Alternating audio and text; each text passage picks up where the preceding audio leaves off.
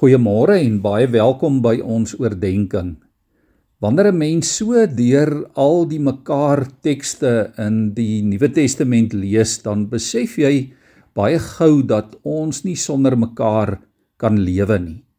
Elkeen van ons het die een of ander tyd iemand nodig. Om die waarheid te sê, ons het mekaar elke dag nodig. Nie een van ons is 'n enkeling in hierdie wêreld nie. Ons leef nie in isolasie nie. Die uitdrukking sê mos no man is an island. En in die sielkunde geld daar 'n algemene beginsel wat sê 'n mens is 'n mens deur ander mense. Liewe vriende, ons kan nie regtig gelukkig wees op ons eie nie. Ons kan nie vervuld wees op ons eie nie. Ons kan nie 'n lewensdoel hê op ons eie nie. Natuurlik verskil mense se persoonlikhede. Sommige van ons is meer introverties, ander is weer meer ekstroverte. Sommige van ons wil graag die heeltyd ander mense rondom ons hê, terwyl ander weer daarvan hou om meer dikwels alleen te wees. Maar iewers op die een of ander stadium het ons elkeen iemand nodig. Het jy al gewonder hoekom is daar gedeeltes op 'n mens se rug waar jy net nie self kan bykom om te krap nie? Dit laat 'n mens nogal dink. Dit is seker so om ons te herinner dat ons mekaar nodig het.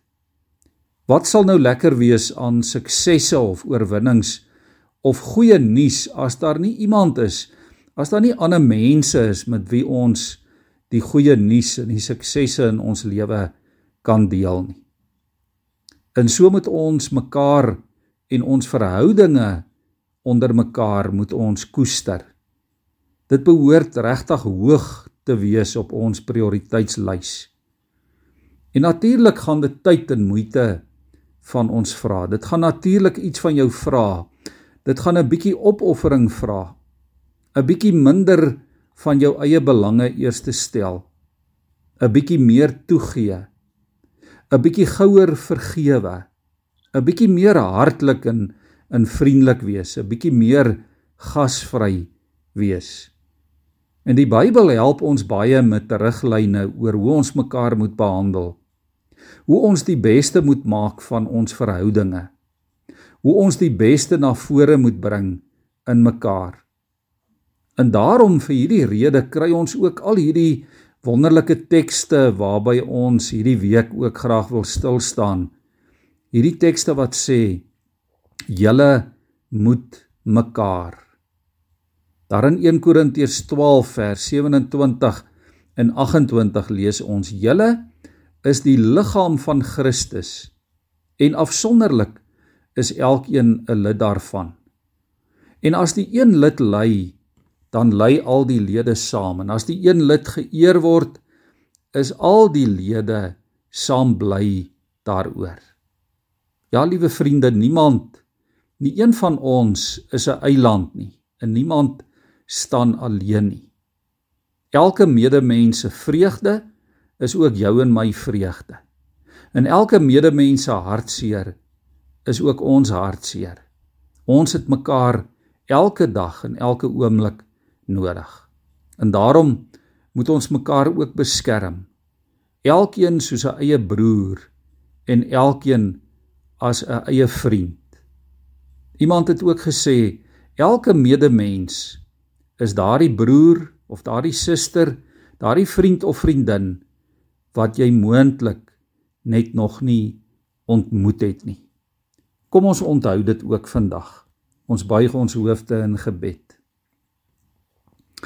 Here baie dankie dat ons vanmôre kan weet dat U ons beste vriend is. En Here, as dit gaan oor vriendskap, as dit gaan oor aanvaarding van mekaar, Here, dan weet ons dat U ons wonderlike voorbeeld is. Here, dat U vir ons kom wys het hoe ons mekaar moet aanvaar, hoe ons mekaar moet behandel en teenoor mekaar moet optree. Here, ons gebed vandag is dat U vir ons sal help om dit te doen. Ja Here, dat ons vandag mekaar as broers en susters in U sal aanvaar. Dat ons mekaar as as vriende en vriendinne sal behandel, Here, soos wat ons graag self behandel wil word. Dit is ons gebed in die wonderlike naam van ons beste vriend Jesus die Here. Amen.